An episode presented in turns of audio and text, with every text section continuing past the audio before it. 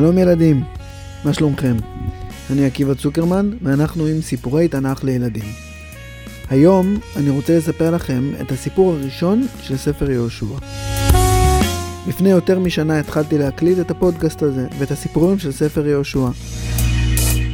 בהתחלה עשיתי את זה בצורה לא מאוד מקצועית וטובה, ולא מספיק התכוננתי להקלטות. לאט לאט למדתי כל מיני דברים שצריך לעשות לפני שמקליטים פרק, ושיפרתי את הפודקאסט. ומתישהו החלטתי למחוק את הפרק הראשון של ספר יהושע, בגלל שהוא לא היה מוקלט מספיק טוב. היו בו רעש והפרעות. אז עכשיו אני עושה רגע הפוגה, הפסקה מספר שופטים, וחוזר לסיפור הראשון של ספר יהושע. לפני המון המון שנים, לפני בערך שלושת אלפים שנה, לפני שהסבא שלכם נולד, לפני שהסבתא של הסבתא שלכם נולדה, לפני באמת המון שנים, כשעדיין אפילו לא בנו את בית המקדש, כשלארץ ישראל קראו ארץ כנען, לא קראו לה ארץ ישראל, ולא היו בה בכלל יהודים. היו בה כנענים, אמוריים, חיטים, פלישתים, כל מיני עמים. באותה תקופה שאנחנו מדברים עליה, עם ישראל כבר היה קיים, אבל לעם ישראל לא הייתה ארץ. והם לא היו בשום ארץ של אף עם. הם היו בחוץ לארץ, מחוץ לכל הארצות בעולם. הם חיו במדבר ונדדו ממקום למקום. באמצע המדבר היה מחנה ענק של המון אנשים, מאות אלפי אנשים, של עם שלם, עם ישראל. העם הזה יצא ממצרים לפני לא הרבה שנים, והם הסתובבו ונדדו במדבר במשך 40 שנה. המנהיג שהוציא את העם הזה ממצרים, שהוציא את ישראל ממצרים, היה משה, משה רבנו. הוא ליווה אותם כשהוא נתן את המכות על המצרים. הוא ליווה אותם וקרא להם את ים סוף, והוא הלך איתם במדבר תקופה ארוכה. הוא עלה להר סיני והוריד להם את התורה. הוא דאג להם למים במדבר. הוא עשה להם ניסים גדולים מאוד. אתם יודעים מה עם ישראל אכל כשהם היו במדבר? מה היה האוכל שלהם? לא היו להם שדות, ולא הייתה להם תבואה, לא היה להם לחם ולא היה להם קמח, לא היו להם עצים לגדל פירות, לא היה להם מכולת ולא סופר לקנות אוכל. היה להם אוכל מיוחד, לאוכל שלהם קראו מן. המן הייתה ארוחה מיוחדת שהגיעה מוכנה. היא הייתה מתוקה כמו הממתק הכי טעים שאתם מכירים. וזה פשוט ירד מהשמיים, מוכן לאכילה כל בוקר. כל אחד מעם ישראל יצא מהבית שלו, מהאוהל שלו, אסף את המן לכל המשפחה וחילק לכולם, ומזה אכלו את כל הארוחות. מי שדאג למן והסביר להם מה צריך לעשות איתו, מי שלימד אותם תורה, מי שהיה המנהיג שלהם ועשה את כל מה שהם היו צריכים, היה משה. בתקופה שאנחנו מדברים עליה, זה כבר היה אחרי 40 שנה שעם ישראל הסתובבו, הסתובבו במדבר, עם משה המנהיג שלהם. כל האנשים שחיו אז במחנה של עם ישראל במדבר, לא היו ביציאת מצרים. האמת היא שחלק כן היו ביציאת מצרים, ואפילו זכרו את יציאת מצרים, אבל הם היו אז ילדים קטנים. משה רבנו כבר היה זקן. הוא היה איש חזק, כמו איש צעיר, והיה לו קול חזק, כמו של איש צעיר. אבל כבר היה זקן והיה צריך למות מהעולם. הוא נפרד מעם ישראל, הוא הסביר להם מה הם צריכים לעשות, והוא גם מינה מנהיג שימשיך אותו. אחריו, יהושע בן נון, יהושע שהיה העוזר של משה כל החיים שלו. ואז הגיע היום. יום אחד, משה רבנו נפטר מן העולם. כשעם ישראל שמעו את הבשורה הזאת, הם היו בהלם. הם ידעו שזה הולך לקרות, אבל הם פשוט הרגישו אבודים. מי ינהיג אותם? מי ידאג להם? אנשים פשוט בכו והורידו דמעות, מיררו בבכי, כולם התאבלו והיו מאוד מאוד עצובים. והיה איש אחד במחנה ישראל, שגם היה מאוד עצוב, אבל גם הרגיש שהבטן שלו מאוד מאוד כואבת. זה לא היה כאב בטן רגיל, זה היה כאב בטן שהוא הרגיש בימים מאוד מרגשים, כשהוא היה במתח, כשהוא פחד לקראת משהו גדול שצריך לקרות. ולאיש הזה שכאבה הבטן בצורה הזאת, קראו יהושע בן נון. ביום שבו משה נפטר, יהושע היה צריך להיות להפוך להיות המנהיג של כל עם ישראל. ופתאום יהושע שמע קול, קול מיוחד, קול קצת מפחיד שגורם למין הרגשה של רעידה כזאת, או, או דגדוג כזה בקצה התחתון של הבטן. זה היה הקול של השם שדיבר אליו. והשם אמר ליהושע, משה עבדי מת, קום עבור את הירדן הזה. עכשיו, אתה צריך להנהיג את עם ישראל. ואתה צריך דבר ראשון להכניס אותם מהמדבר, מחוץ לארץ, לתוך ארץ כנען. בארץ כנען יש אויבים, אויבים שיילחמו בכם, אבל אתם תצליחו לנצח אותם. כל מקום אשר תדרוך כף רגליכם בו, לכם נתתיו, בדיוק כמו שהבטחתי למשה. יהושע פחד. אולי הוא יגיד לעם ישראל להתחיל ללכת לכיוון הירדן, להתחיל את המסע לארץ כנען, ואף אחד לא יקשיב לו? אולי אנשים פתאום יתחילו לצחוק עליו ולספר עליו סיפורים? ולמרות שיהושע לא סיפר להשם על הפחד הזה, השם אמר לו, יהושע, אל תדאג.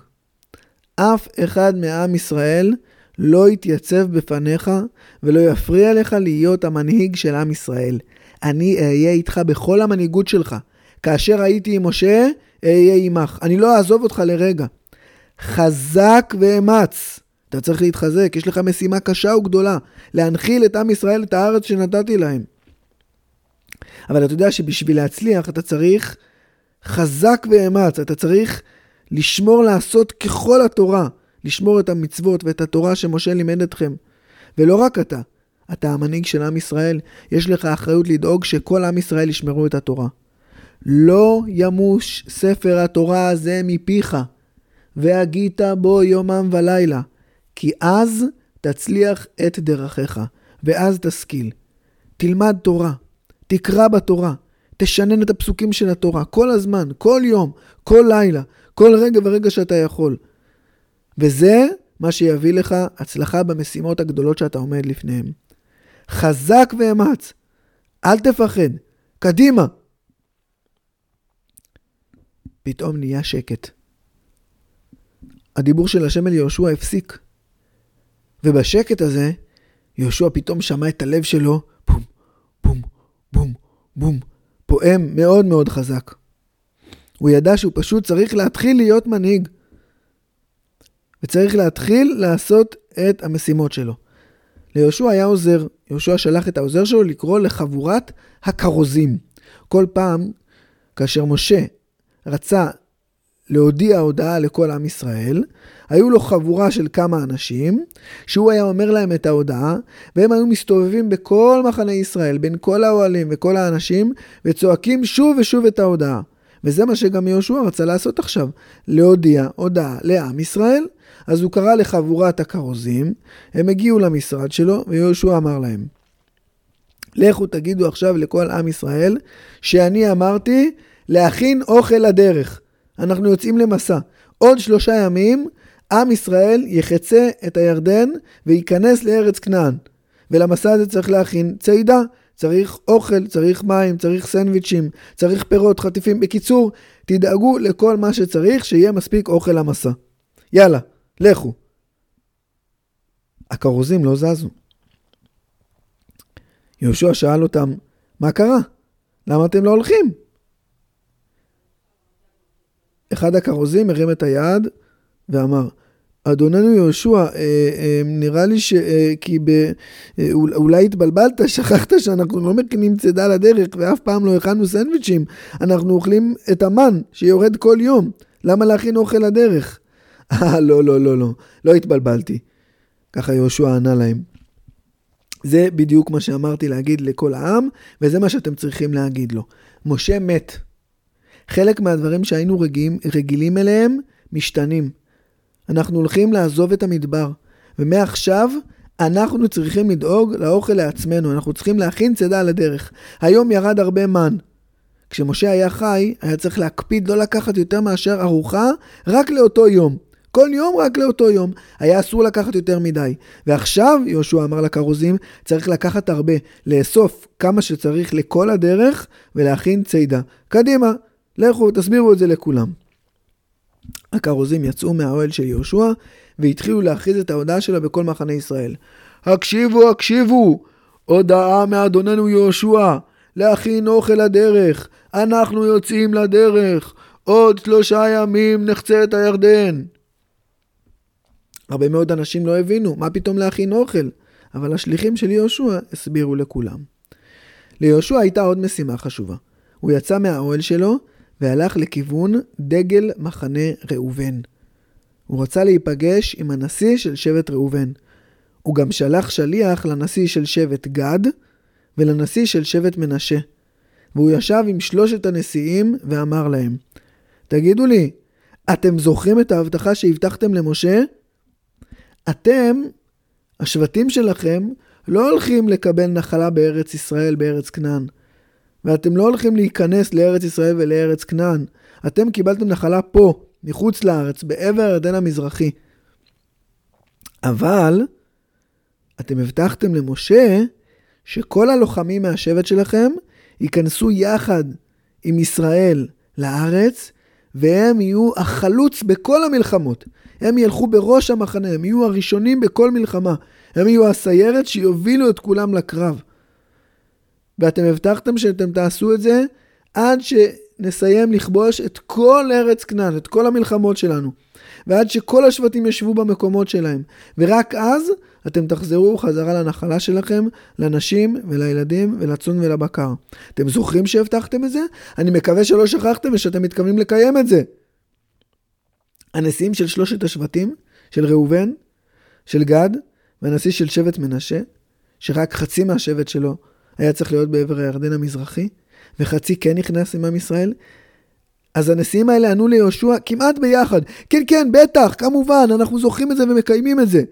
תדע לך, יהושע, כמו שהיינו עם משה, כמו שהיינו נאמנים למשה, כמו שהקשבנו לו, נהיה איתך. כל מה שתגיד לנו, נעשה. כל שליחות שתטיל עלינו, נלך אליה. וגם, תדע לך, יהושע, אם מישהו לא מקשיב לך, תגיד לנו, אנחנו נטפל בו. אתה המנהיג שלנו, של כל עם ישראל. יהושע שמע את זה ושמח מאוד. הוא הרגיש שהעניינים מתחילים לזוז. הוא הרגיש שהוא הופך להיות המנהיג של עם ישראל. השם אמר לו חזק ואמץ, ויהושע הרגיש שהוא מתחזק והופך להיות אמיץ. אבל הוא ידע גם שעומדות לפניו משימות קשות מאוד, ושהוא צריך להתחזק ולהתאמץ לעשות אותן. להתחזק ולהתאמץ לשמור את התורה והמצוות. להתחזק ולהתאמץ ללמוד תורה. אז מה אתם אומרים? הוא הצליח בזה? איזה מין מנהיג הוא היה? איך, איך הייתה בדיוק חציית הירדן? זה הצליח? זה לא היה מסובך מדי? איך יהושע עמד מול כל האויבים שהיו בארץ ישראל, בארץ כנען? אנחנו נספר על זה, בעזרת השם, בסיפורים הבאים של סיפורי ספר יהושע. תודה רבה שהאזנתם לנו. להתראות.